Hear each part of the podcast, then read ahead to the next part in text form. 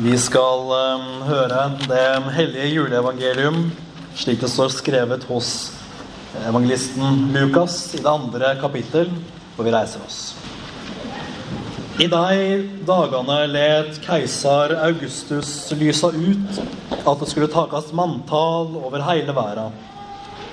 Dette var første gangen de tok manntall, og det hendte medan Kvirinius var landshovding i Syria. Da for alle heim, hver til sin by, og skulle skrive seg i manntallet.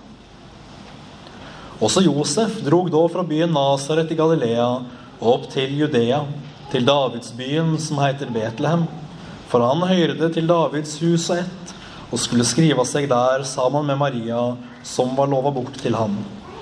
Hun venta da barn, og medan de var der, kom tida da hun skulle føde. Og hun fikk sønnen sin, den førstefødte. Hun sveipte han og la han i ei krybbe, for det var ikke husrom for deg.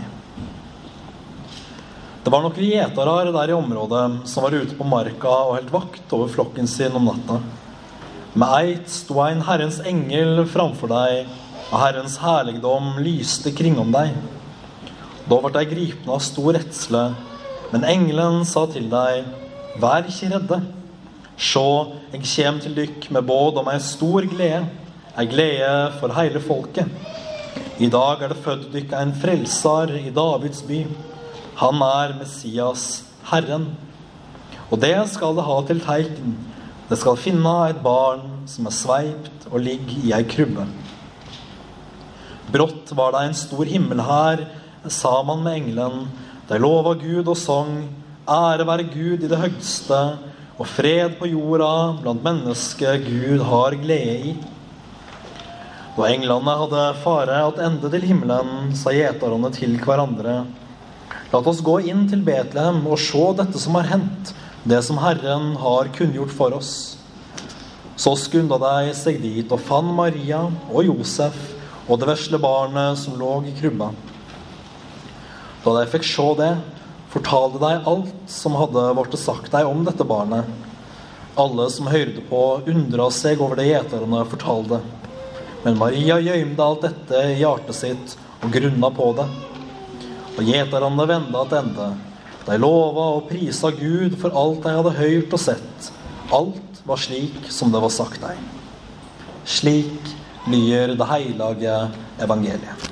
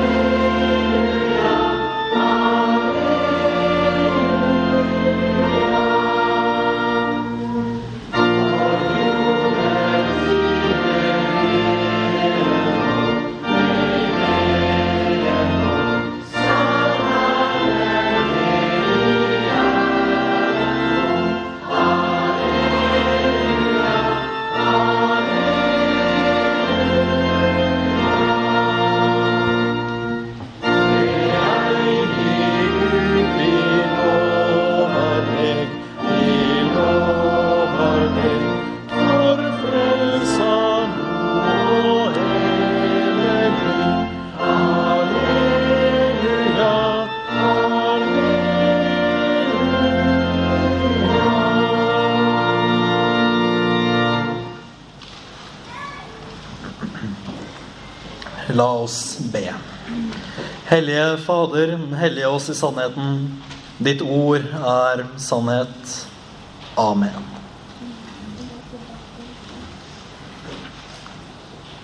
Velkommen inn i mysteriet.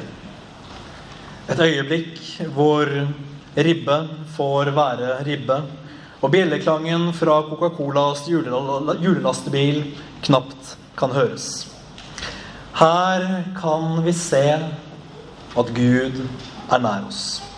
Nå står vi på terskelen til det helligste av alle mysterier, og vi ser lyset fra krybben der verdens frelser ligger. Et lys som skinner klart og stråler ut i all verdens mørke. Det er noen ganger lett å glemme, selv for meg som er prest, hvor stort det vi feirer i julen, egentlig er.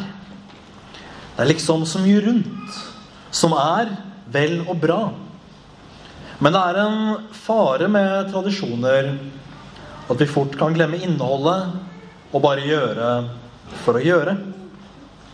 En god tradisjon er en tradisjon hvor vi fremdeles husker hva den handler om.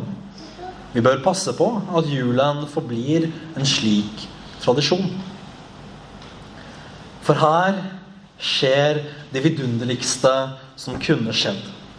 At Gud selv blir et menneske Jesus Kristus, Guds sønn, stiger ned fra himmelen og blir et forsvarsløst lite barn. Født inn i en fattig familie. Lagt i en krybbe i en liten stall. Dette var boligen som var verdig vår Herre og vår Gud. Og han steg ned, ene og alene av ren kjærlighet og nåde til oss mennesker. Fordi var det én ting han ikke ville, så var det at vi skulle gå fortapt. For det var sannelig fortapelsens vei vi vandret på, der vi gikk i det ytterste mørket. Helt fra den dag da våre første foreldre, Adam og Eva, spiste av frukten i hagen hadde verden ligget i en total natt.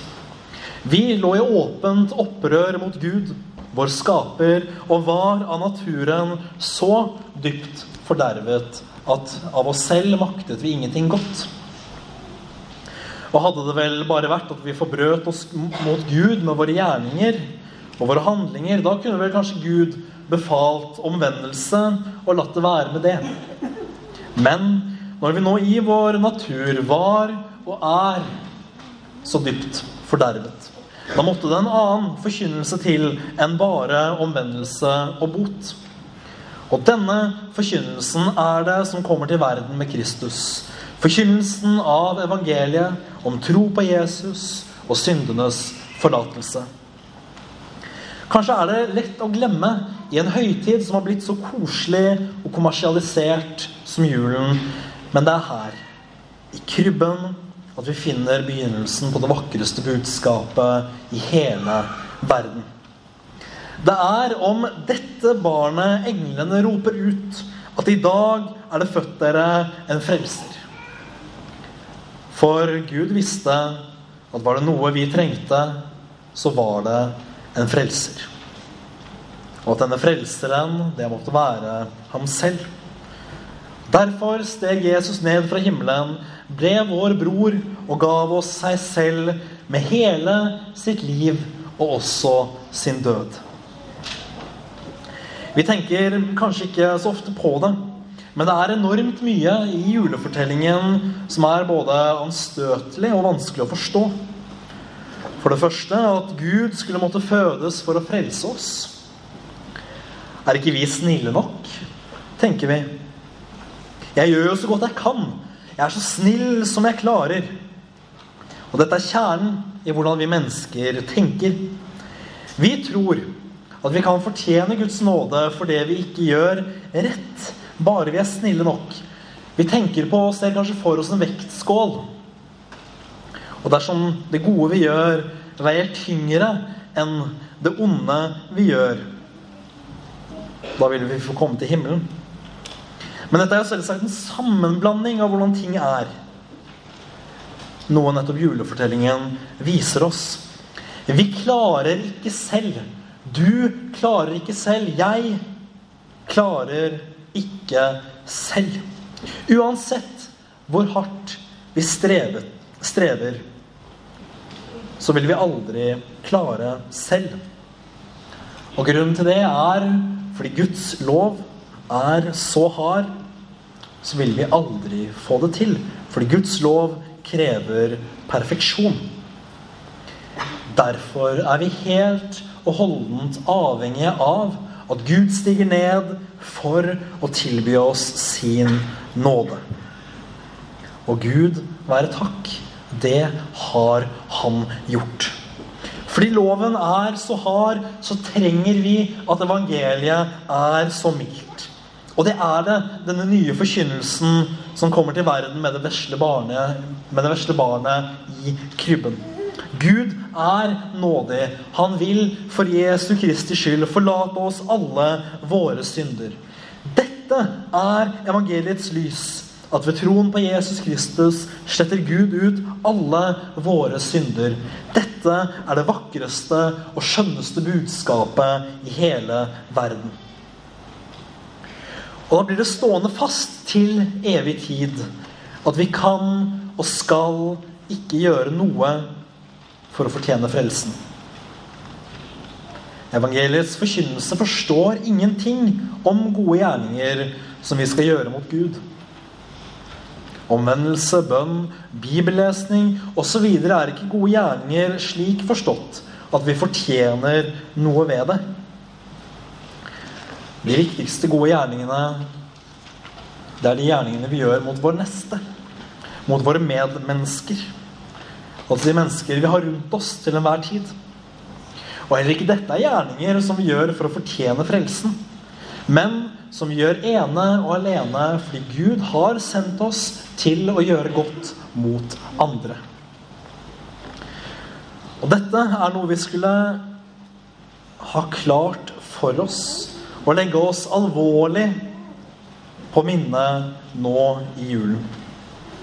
Selv om det har blitt større fokus på de som sitter alene i julen de siste årene, så tror jeg det fremdeles kan være like lett å glemme det, å glemme sin neste, sine medmennesker, som det er å glemme evangeliet. Midt i julens styr og alt som hører med. Alt som er av familieselskaper og andre ting. Vi har liksom nok med oss selv. Vi har liksom nok med våre og våre nærmeste. Men dersom vi virkelig vil ha navn av å være kristne her i Sogndal, så skulle vi legge oss på sinne at dersom vi vet om noen som går alene, som er alene, sitter alene i julen eller året ellers Vi tar dem inn i varmen, viser medmenneskelighet, og fremfor alt viser verden at evangeliet er sant. Når de ser på de kristne, når de ser på oss, når de ser på Kirken og bryter ut, se hvor de elsker hverandre. Som Jesus selv sa at skulle være kjennetegnet på den kristne kirke. Vi elsker fordi Jesus Kristus elsket oss først. Noe han viste oss da han kom til jorden, ble et menneske for vår skyld og til vår frelse. Ære være Faderen og Sønnen og Den hellige ånd, som var, er og blir en sann Gud fra evighet og til evighet. Amen.